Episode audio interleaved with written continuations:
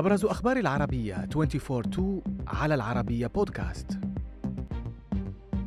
روسيا تسلم حليفتها أسلحة قوتها أكبر من قنبلة هيروشيما. أول تعليق من والد نير أشرف المكلوم بعد إعدام قاتلها. بلجيكي يقيم جنازته قبل وفاته والسبب يثير ضجة واسعة. أعلن الرئيس البيلاروسي ألكسندر لوكاتشينكو أن بلاده بدأت بالفعل تسلم الأسلحة النووية التكتيكية الروسية تمهيدا لنشرها على أراضي بلاده. وذكر حليف زعيم الكرملين أن بعض هذه الأسلحة أقوى بثلاث مرات من القنبلتين الذريتين اللتين ألقتهما الولايات المتحدة على هيروشيما وناغازاكي باليابان في عام 1945 أتت هذه التطورات بعد أشهر من إعلان بوتين أن موسكو ستنشر أسلحة نووية تكتيكية في بيلاروسيا الواقعة على أبواب الاتحاد الأوروبي ما أثار انتقادات دولية ومخاوف من تصعيد للنزاع في أوكرانيا.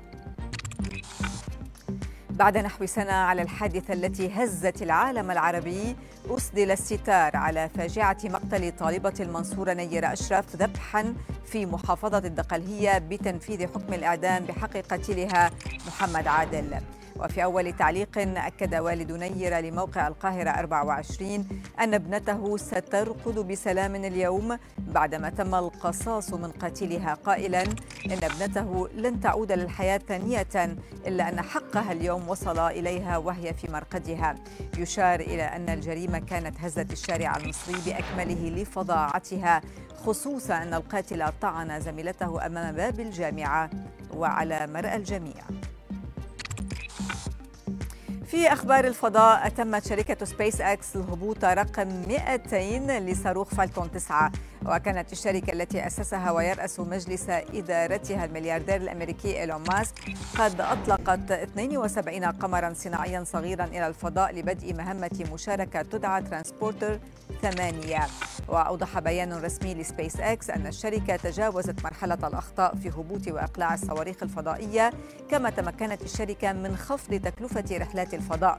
ناهيك عن زيادة وتيرة عمليات الإطلاق والتقليل من التلوث البيئي.